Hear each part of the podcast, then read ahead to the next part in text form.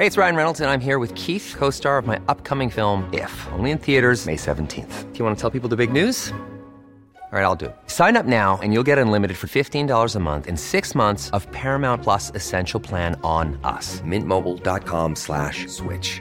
Upfront payment of $45 equivalent to $15 per month. Unlimited over 40 gigabytes per month. Face lower speeds. Videos at 480p. Active Mint customers by 531.24 get six months of Paramount Plus Essential Plan. Auto renews after six months. Offer ends May 31st, 2024. Separate Paramount Plus registration required. Terms and conditions apply if rated PG. Sommeren er over os. Smagen af danske jordbær, duften af solcreme og følelsen af det kolde havvand helt op til knæene. Til den anledning har jeg sammen med mine dygtige kollegaer forberedt en sommerserie til dig. Inden jeg tog på ferie, der inviterede jeg nemlig forskellige kendte ansigter fra den offentlige debat med til folkemøde på Bornholm. Her sad jeg på en scene lige ned til havnen i Allinge og interviewede dem om aktuelle emner.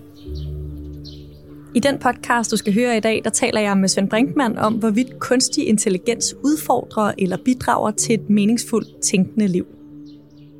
Jeg hedder Karoline Tranberg. God sommer og rigtig god fornøjelse med podcasten.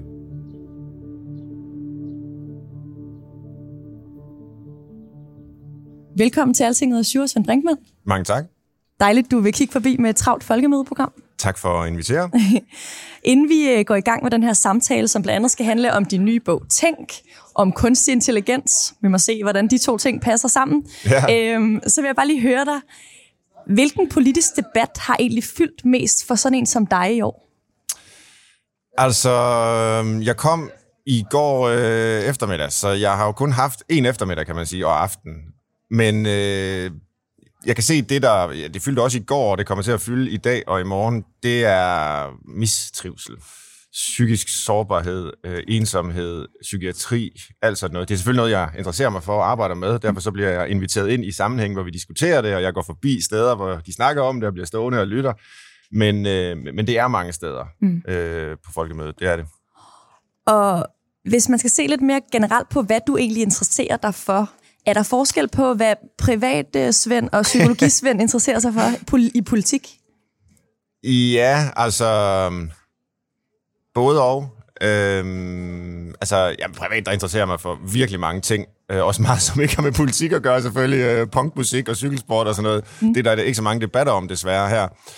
Øhm, privat har jeg selvfølgelig også nogle politiske holdninger, som jeg på en eller anden måde prøver at lægge til side, når jeg skal arbejde med spørgsmål, der handler om, hvad samfundet gør ved vores psykiske velbefindende og den slags. Øh, Jeg er jo psykolog, øh, men en psykolog, der gerne vil tænke psykologien ind i nogle samfundsmæssige sammenhænge.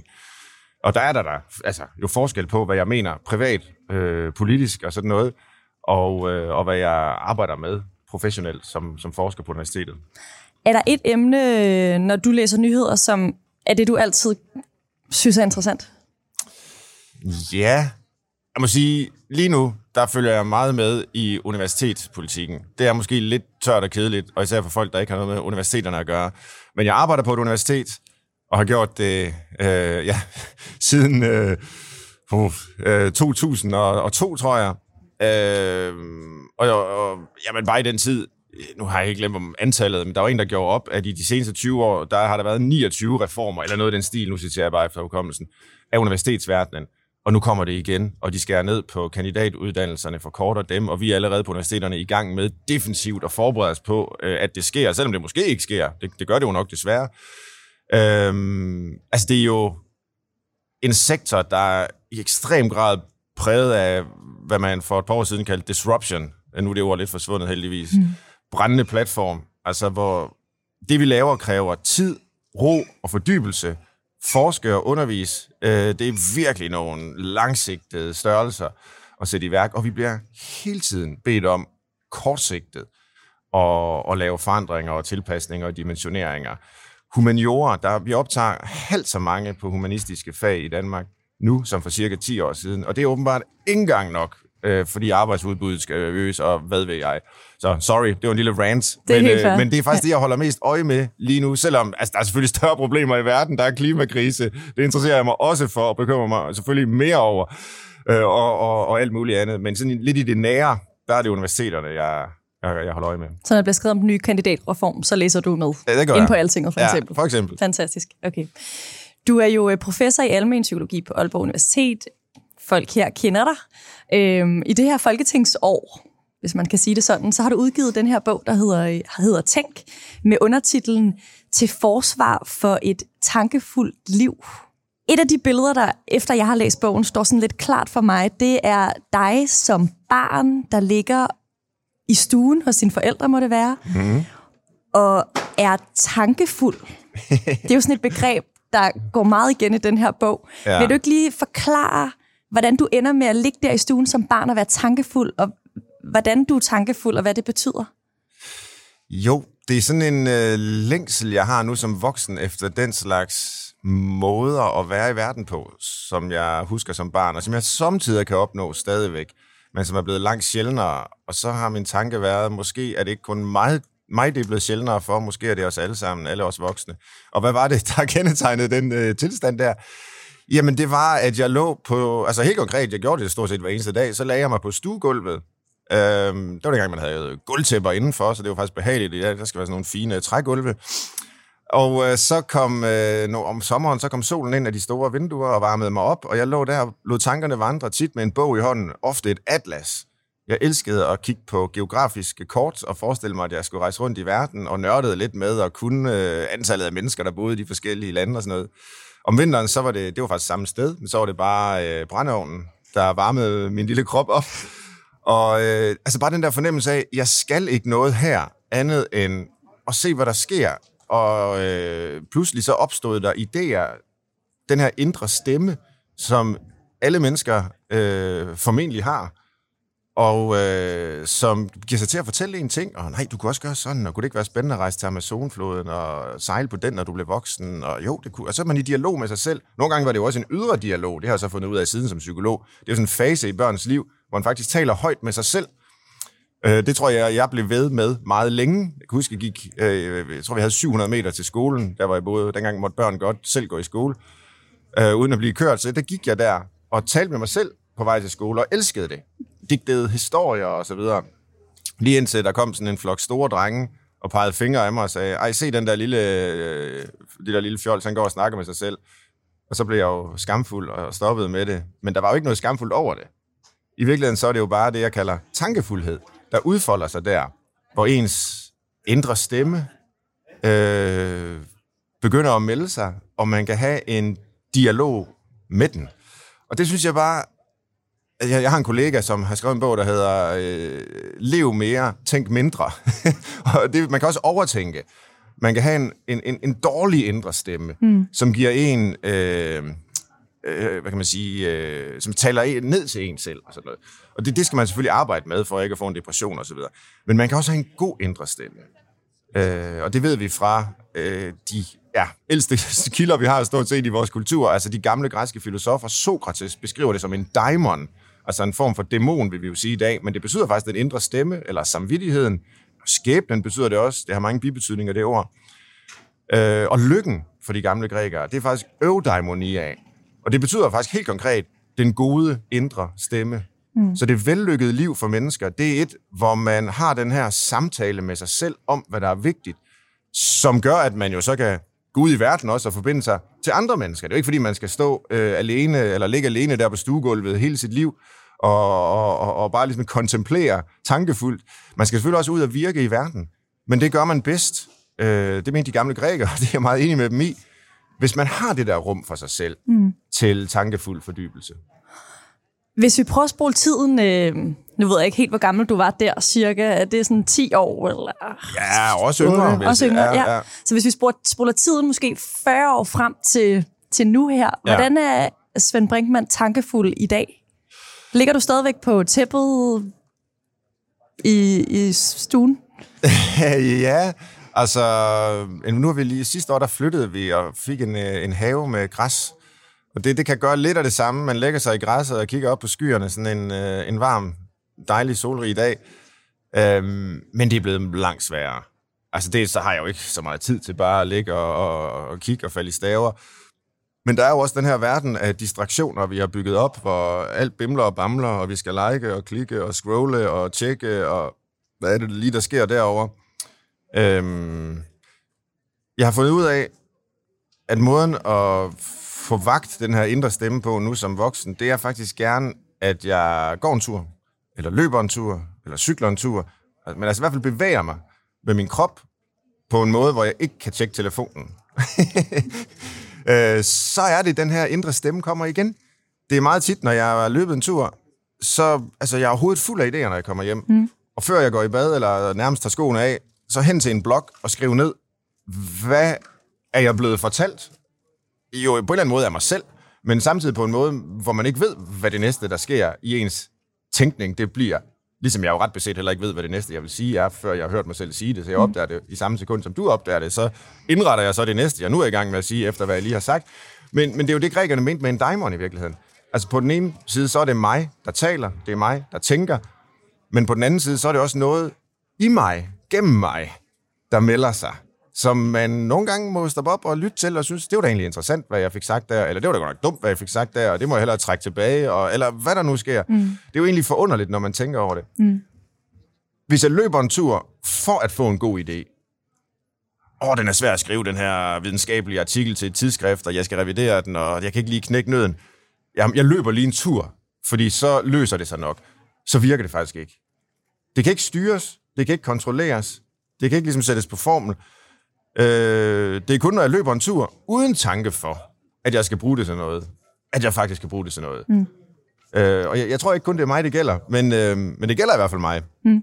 Og øh, ja, når nu du spørger, altså, hvor, hvor opstår den slags i et voksenliv som mit, jeg er 47 år, øh, så er det øh, enten, når jeg er alene og bevæger mig, det, ja, det lyder sådan meget konkret, men det er også i gode samtaler.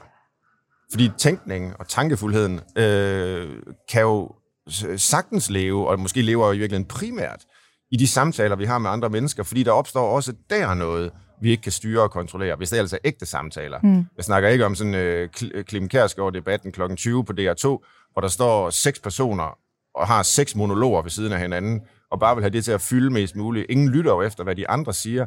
Ingen siger nogensinde, det har du sgu egentlig ret i. Øh, du har et bedre argument end mig.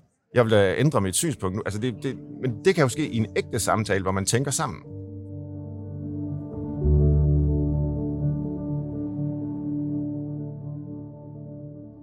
Nu har du været en lille smule inde på, øh, på teknologien, som fylder noget. Du er nødt til at lægge telefonen derhjemme, når du skal løbe en tur, for at kunne nå den her tankefuldhed.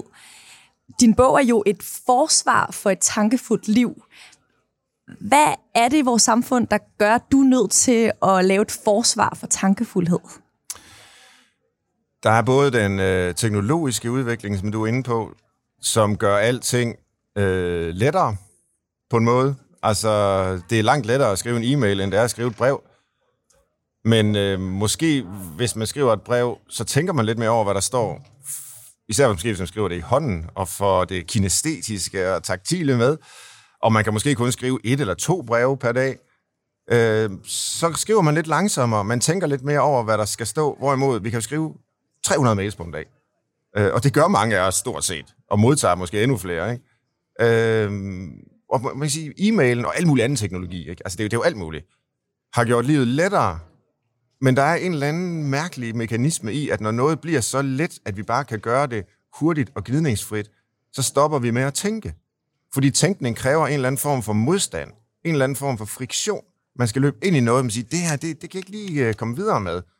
Uh, det må jeg skulle lige sove på, det må jeg lige gruble over, det må jeg lige tale med nogen mere erfarne, der har prøvet det før om, eller sådan noget. Øhm, men alting bliver ligesom glattet ud. Friktionen bliver øh, skrabet væk. Øh, jeg kan tror, du give et eksempel? Øhm, jamen, det er jo alle steder, altså også som ikke lige har med, med sådan tænkearbejde at gøre. Altså for eksempel, når vi ligger der om aftenen øh, i vores øh, sofaer og ser streaming-serier, så går den næste episode jo i gang automatisk, øh, uden man skal tænke over det har du egentlig lyst til at se flere episoder af The Crown i aften? Øh, jamen, det, åh, man skal op af sofaen og trykke på knappen, og åh, det nåede jeg ikke lige, Jamen, så ser vi bare en mere. Eller, altså, fordi det skal være nemt for os. Eller når vi googler ting, eller liker ting på sociale medier, øh, så skal det være nemt for os at finde det, vi gerne vil have. Derfor så er der algoritmer, som øh, ved, hvad vi ønsker at se nærmest mm, bedre, end vi selv ved det. Og så ser vi ikke noget, som vi egentlig er uenige i, eller som er stødende eller krænkende eller sådan noget, men indholdet bliver tilpasset også, fordi det skal være nemt. Men hvis vi ikke ser noget, vi ikke kan lide, hvis vi ikke møder synspunkter, vi er uenige med, øh, så er der jo aldrig anledning til at tænke. Fordi så bliver vi bare fodret med mere af det, vi syntes og mente i, i forvejen. Og sådan, altså hele, nu ved jeg også, at vi skal snakke kunstig intelligens og alt det her, ikke? men alt det, vi bygger op, der gør det friktionsfrit at leve ideelt set, det gør det jo også tanketomt at leve. For tænkning kræver modstand. Hmm. Øh, tænkning er en form for vejbump, som sætter farten ned, og det er jo så det andet, øh, ud over det med teknologi, og det bliver let, så er det også, at det bliver hurtigere og hurtigere at være menneske. Altså den sociale acceleration, som sociologer kalder det, er en anden fjende af tænkningen. Fordi tænkningen kræver, at man sætter farten ned, at man tænker efter, øhm, at man tænker langsomt. Og det, øh, det, det er sgu svært med, med den fart, der er på i dag. Mm. Lad os prøve at få det perspektiv med, som er øh, den øh, kunstige intelligens, øh, robotterne, som man kan kalde det, hvis man vil skrive en rubrik, der fænger lidt måske. Øh, Udover at skrive bøger, så er du jo også øh, fastskribent på, øh, på Altinget. Der har du blandt andet skrevet en kommentar, som er blevet meget læst, og en af dem handler om de her chatbotter, den kunstige intelligens, som er, alle taler om for tiden. Bare lige for at sætte nogle billeder på. Jeg ved, du har testet ChatGPT selv. Hvad, øh, hvad, hvad bruger Svend Brinkmann ChatGPT til? Jeg bruger den faktisk ikke øh, nu, men det gjorde jeg, da jeg fik kendskab til den, og selvfølgelig prøvede alt muligt, og i min sådan, narcissistiske øh, boble der, der fik jeg den jo til at skrive alle mulige hyldestigte til mig. Hvad stod der der?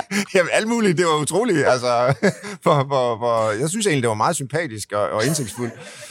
øh, men, men da jeg så fik, jeg, altså, den kan rime, den kan alting, ikke? Altså, men da jeg så fik det tænkt, tænkt igennem, apropos, øh, så kunne jeg jo godt se, og hele diskussionen var jo også blandt mine kolleger på universitetet, altså hold da op, altså hvordan skal vi til at udforme eksamensopgaver, når de studerende bare kan bede øh, ChatGPT eller andre af den slags øh, tjenester om at, at svare på spørgsmålene. Mm. Øhm, og så, så bliver jo selvfølgelig ligesom mange andre, statsministeren har jo også øh, fået øh, ChatGPT til at skrive taler for sig, og selvfølgelig afsløret, at det var det, der var tilfældet osv., og, og alle journalister har jo efterhånden skrevet et eller andet om, at øh, jamen i virkeligheden så er den her artikel skrevet af, af en kunstig intelligens osv. Så, videre. så nu har vi efterhånden alle sammen prøvet det. Og øh, det, som jeg så øh, hvad kan man sige, reflekterede lidt over i den øh, klumme i altinget der, det var, altså på den ene side, så er der nogen, der siger, nu har vi en kunstig intelligens. Vi har en, altså, der var også den amerikanske journalist, som interagerede med den en hel nat, og de blev nærmest forelsket i hinanden. Den blev i hvert fald forelsket i ham, og det var noget med, at han skulle forlade sin kone, og altså, det var helt vildt, og måtte han overhovedet slukke for den, altså hvis det er en form for bevidst liv lige pludselig. Og, og sige, den bekymring deler jeg ikke. Altså, det er ikke levende væsener, det her.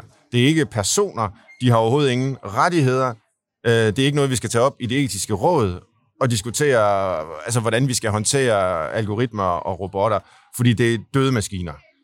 Øh, forskellen på en øh, person eller en organisme, et levende væsen, og så en maskine, det er, at en maskine kan man skille ad, og så kan man rense delene, og så kan man sætte den sammen igen, og så fungerer den fint, måske endda endnu bedre, end før man havde skilt den ad. Et levende væsen kan man ikke skille ad og samle igen, uden at det væsen dør. Det vil sige, at levende væsener har en interesse i at fortsætte med at leve, har nogle grundlæggende behov, der skal opfyldes, har en, øh, en væren i verden, hvor man øh, sanser og føler smerte og glæde og øh, alt muligt. Vi har kroppe, ikke? Altså, de er bare noget helt andet, og, og, og det, det har maskinerne ikke. Så det, vi skal bekymre os om, synes jeg, det er netop i forlængelse af det med, med tankefuldheden og vores øh, tænkeevne som sådan, at vi øh, stopper med at tænke.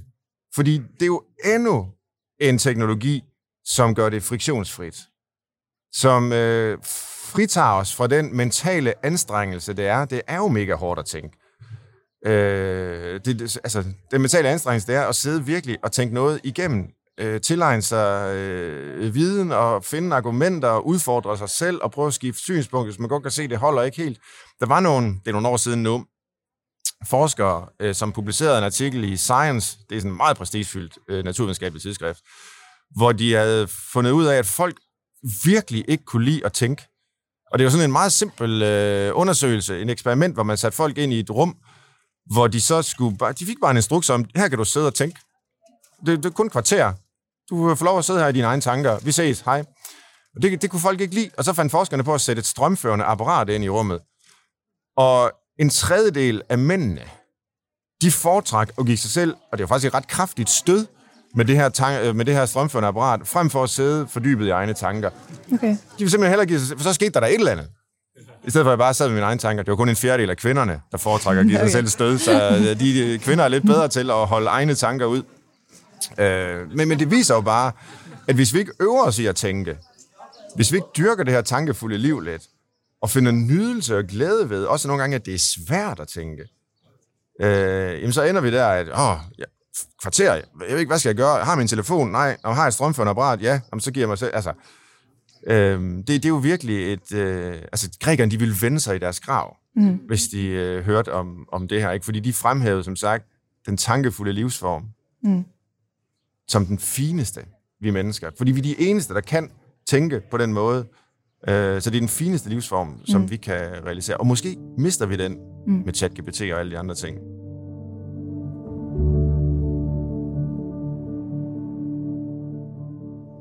Nu ved jeg, at du alligevel skriver om, at man har brug for noget input for at tænke. Ja. Det kunne være en samtale, som vi to har nu. Øh, det kan være en samtale med en selv, måske. Øh, men for eksempel, når jeg skal i gang med at lave et manuskript til dig, så sidder jeg og googler, jeg læser din bog. Øh, en del af det kunne også være at spørge ChatGPT. Mm. Hvad vil du spørge, spørge Svend Brinkmann om? Øh, kan chatbots også være en måde at hjælpe os til at tænke Ja, det tror jeg godt, det kan. Men kun hvis man kan tænke i forvejen. Jeg tror ikke, man kan lære at tænke tak. ved hjælp af en chatbot, men selvfølgelig kan det være et redskab, ligesom det kan at slå op i et leksikon, eller google noget, eller øh, spørge nogen. Eller, altså, så, øh, så hvornår er det, det bliver farligt, eller hvornår er det, det går ud over vores tankefuldhed? Ja, det er, når man bruger det på en måde, der stopper tænkningen, og ikke øh, sætter den i gang. Øh, og jeg ved sgu ikke, altså... Jeg ved ikke, altså, der, der var den her periode, da nu er det jo få måneder, vi har haft de her chatbots. Øh, før det, der havde vi de her billedgenererende kunstig intelligenser, som også var ret vilde. Øh, der er jo også, det tror jeg, jeg skriver i klummen, en, øh, en kunstig intelligens, der laver en uendelig tv-serie med sådan nogle pixelerede karakterer. Den hedder Nothing Forever, og det er sådan en imitation af Seinfeld, som er en af verdens mest berømte sitcoms jo. Øh, jeg tror, den hedder Feinberg, i stedet for Seinfeld. Men øh, så blev den lukket kortvejt, fordi en af dem fortalte en transfobisk øh, joke, som den kunstige intelligens åbenbart havde fundet på, men så kom den op og køre igen. Øh, og, og jeg sad øh, en hel eftermiddag øh, sammen med et par af vores børn og, og så den her, øh, og, og blev virkelig bange, fordi det var skide sjovt.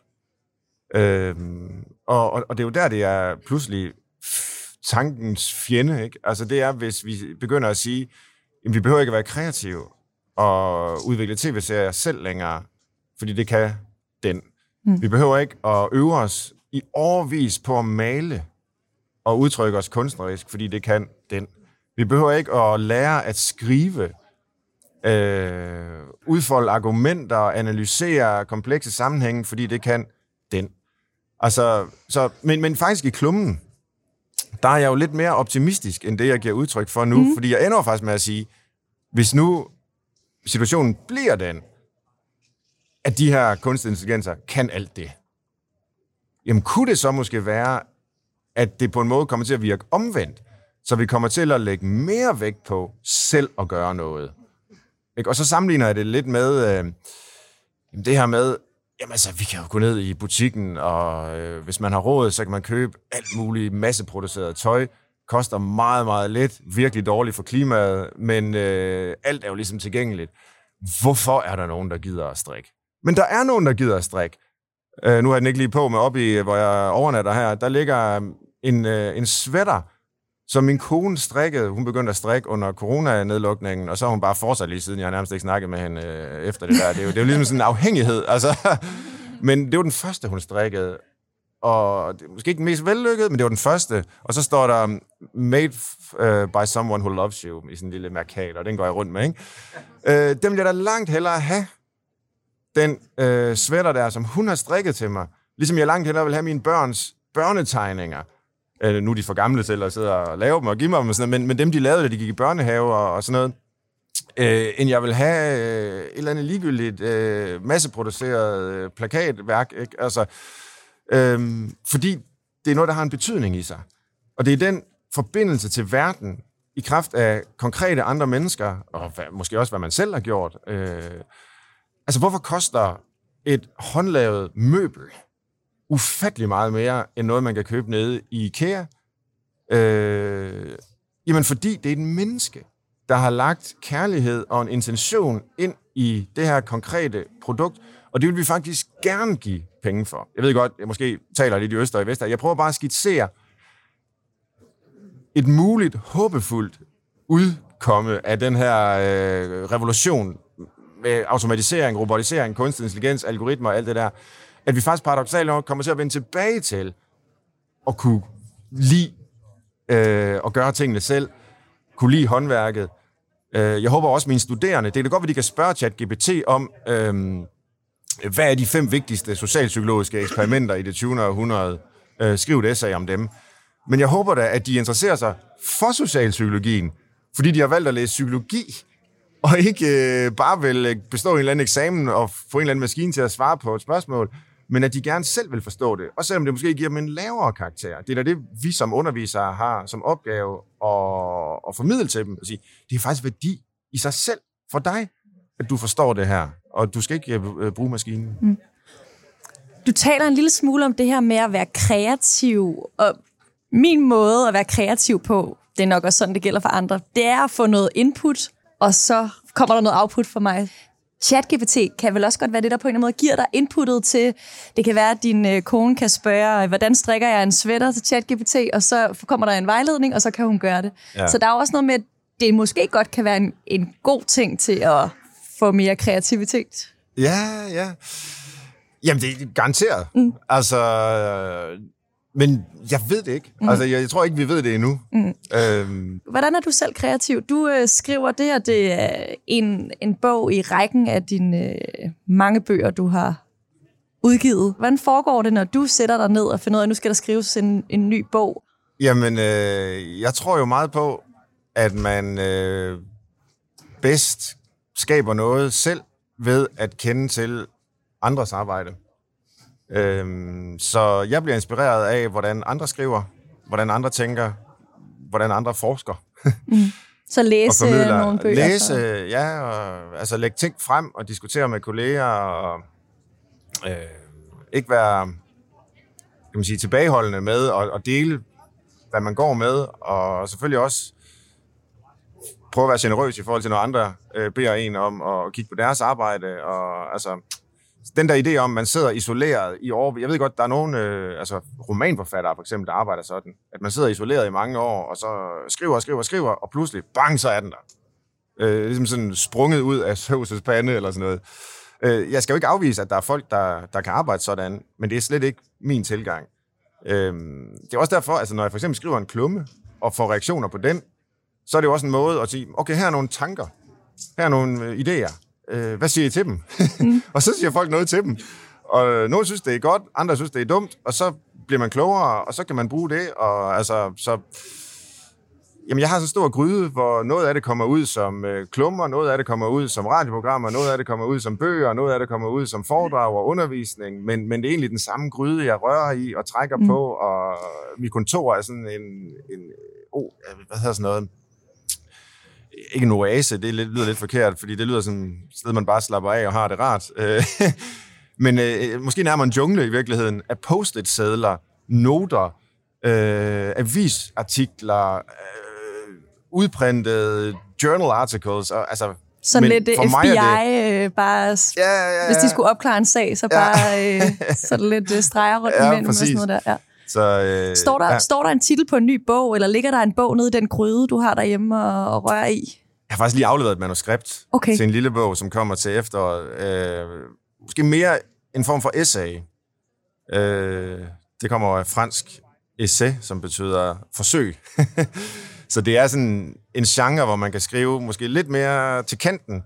Altså, jeg har et forsøg på at tænke noget igennem, og så sende det ud. Og det, som bogen kommer til at hedde, det er oplevelsessamfundet. Det har jeg faktisk også skrevet om hos øh, Altinget. Så det er også et eksempel på, at noget, der måske begyndte som en klumme, det pludselig kan arbejdes videre i, og så ender det som en bog. Og øh, det er simpelthen en... Altså, ja, det lyder om, måske lidt grandiost at kalde det en samfundsanalyse, og det må der godt nok mange af i forvejen. Men, men jeg tror, der er noget grundlæggende ved måden, vi reducerer alt muligt og relativerer alt muligt på til min oplevelse. Øh, når en leder har et møde med en ansat, der har bedt om at sige, jamen jeg oplever det og det problem, så kan lederen sige, nej, men det er jo så din oplevelse. Ja, men det kunne være, at det var noget reelt, som faktisk handlede om noget i verden. Øh, omvendt kan man også sige, at Københavns Universitet havde nogle retningslinjer indtil for nylig, hvor der stod, hvis man oplever at være blevet krænket, så er man blevet krænket. Ikke? Så, så man kan også vente om at sige, at oplevelsen er pludselig øh, sådan helt absolut øh, uantastelig. Hvis jeg har oplevet noget, så er det sådan, det er. Mm. Så alle mulige diskussioner strander og bliver ført tilbage til, jeg oplever det sådan. Mm. Vi får et meget sådan subjektivt samfund i virkeligheden, hvor alle mulige forsøger at få deres lille oplevelsesverden til at fylde mest muligt. Og det tror jeg er usundt. Jeg tror, vi skal ligesom genvinde sansen for den fælles virkelighed, vi, i mine øjne i hvert fald, trods alt øh, er i. Øh, så vi skal ikke snakke så meget om, hvordan vi oplever verden. Vi skal snakke mere om verden. Den glæder mig til at læse, og lad os øh, tale om den måske næste år på Folkemødet. Meget gerne. Vi er ved at nå til vejs ende. Øh, måske det aller sidste spørgsmål. Jeg ved ikke, om du læser anmeldelser af, af for eksempel din, øh, din bog her. Åh, oh, det gør jeg. Det gør du, okay. Inden for Altinget, så har dit Tam jo anmeldt din bog. Faktisk en rigtig yeah. fin anmeldelse. Ja. Men en af de ting, han synes, der mangler, det er en vejledning til, en vejledning til, hvordan man gør tænkning til en del af sin tilværelse. Ja. Nu har vi meget kort tid. Kan en lille vejledning til, hvordan man får tankefuldhed ind i sit eget øh, liv? Ja. Øhm, altså, i forlængelse af den her opmærksomhed på den daimon, jeg talte om, altså den indre stemme, så jeg tror også, du brugte formuleringen, den skal have noget føde, eller den skal have et input, input. den skal have noget at arbejde med. Og det, det får den jo. Altså, når man har samtaler med andre mennesker, og det, den siger, det er jo også et resultat af, hvad ens forældre har fortalt en, og hvad ens venner osv. Så det, det, det, der kommer jo alt muligt ind. Men man kan jo godt forsøge at rette sin opmærksomhed mod den form for, lad os bare kalde det åndelig føde, øh, som man, øh, man synes, der har noget værdi. Og øh, jeg tror nok, jeg citerer hende i bogen, men ellers så gør jeg det i hvert fald nu. Fran Lebowitz, den her amerikanske New Yorker, New York-forfatter. Hun har haft skriveblokering i 30 år, så hun, hun øh, kan ikke rigtig skrive, men hun øh, taler så i stedet for. Og, øh, og der er en serie om hende på Netflix, der hedder Pretend It's a City, hvor hun bare svarer på spørgsmål. Hun er sådan lidt en omvendt Sokrates. Han, han svarede aldrig på noget, men øh, spurgte kun. Hun øh, spørger aldrig om noget, men svarer kun. Fran. Og det er så Martin Scorsese, filminstruktøren, som, som spørger hende om alt muligt. Og hver eneste gang, så har hun et ufatteligt begavet og morsomt svar. Hun er virkelig sej, Fran Lebowitz. Jeg er kæmpe fan. Nå, men det, hun, det jeg vil citere hende for, det er... Øh, for mange år siden, der skulle hun skrive et essay til amerikanske teenager om, hvordan, hvordan er det at leve? Hvad er godt at vide? Og så formulerede hun det, som så siden er blevet det officielle motto for The New York Public Library, nemlig uh, Think before you speak, read before you think. Og det vil jeg også gerne gøre til mit motto. Altså, tænk før du taler, læs før du tænker. Og det første kan vi jo sagtens forstå. Man skal tænke, før man taler, så man ikke siger noget dumt. Øh, nogle gange skal man også tænke, mens man taler, fordi altså kommer vi aldrig rigtig i gang med at tale, hvis vi skal tænke det hele igennem først. Men man skal i hvert fald læse, før man tænker. Forstået på den måde, at man skal have noget ordentligt at tænke ud fra. Tænke på, tænke over, tænke med, tænke mod. Noget, der virkelig generer mig, det er, at vi alle sammen er begyndt at bruge ordet tænke uden forholdsord. Altså, det gjorde vi ikke i min barndom. Der tænkte vi altid på noget eller over noget, eller efter. I dag der siger man bare, jeg tænker, vi skal have karbonader til aftensmad. Nå, men jeg tænker, vi skal have krebinetter. Nå, men det er så det samme. De tænker, jamen, altså, men det er jo ikke at tænke, det er jo bare at synes noget, eller have lyst til noget. Eller, altså tænke, det vil sige at forholde sig refleksivt til verden. At kunne begrunde synspunkter, undersøge argumenter. Det kræver altså et forholdsord. Øh, det kræver, at man tænker på, efter, under, over, med, mod osv. noget. Og, øh, og det kræver, at man har noget materiale. Ikke?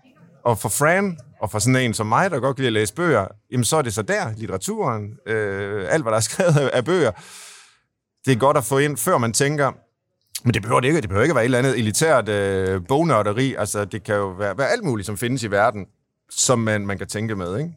Den her podcast, den øh, kommer jo til at udkomme i sommerferien.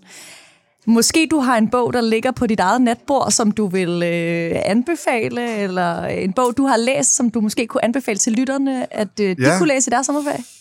Ja, altså jeg er lige, øh, jeg er sådan lidt en øh, late mover, last mover på, på sådan skønlitteratur, tror jeg. Men, men jeg prøver altid at have gang i nogle skønlitterære bøger, og jeg må bare sige, jeg har lige læst Et lille liv øh, år efter, at alle andre har læst den, af øh, Jana Gira Hara, tror jeg hun hedder. Og det er det sindssygeste. Altså, kæft, det er en god bog. Øh, den er 800 sider, og den er smertefuld at læse, men det er noget af det bedste, jeg nogensinde har læst. Altså, den vil jeg virkelig varmt anbefale. Om øh, venskaber og kærlighed, og øh, altså de helt store eksistentielle spørgsmål, og ikke mindst lidelse. Det er hård kost, men øh, det er virkelig godt. Lige nu læser jeg Annie Ernaux, øh, Årene, som også er utrolig smuk. Øhm, den ligger på mit natbord. Og så glæder jeg mig til at læse Bret Easton Ellis, som lige er udkommet. Ham har jeg læst, siden jeg var teenager, og American Psycho og alt det der, øh, som, som lige er, har udgivet en ny stor roman. Den ved jeg ikke, om er god endnu, men øh, det er, hvad jeg selv skal læse i sommerferien.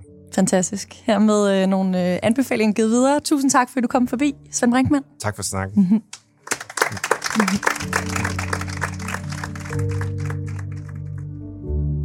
Dagens podcast den blev produceret af Mads Aarhusen og Maja Simonsen og af mig, og jeg hedder Karoline Tranberg.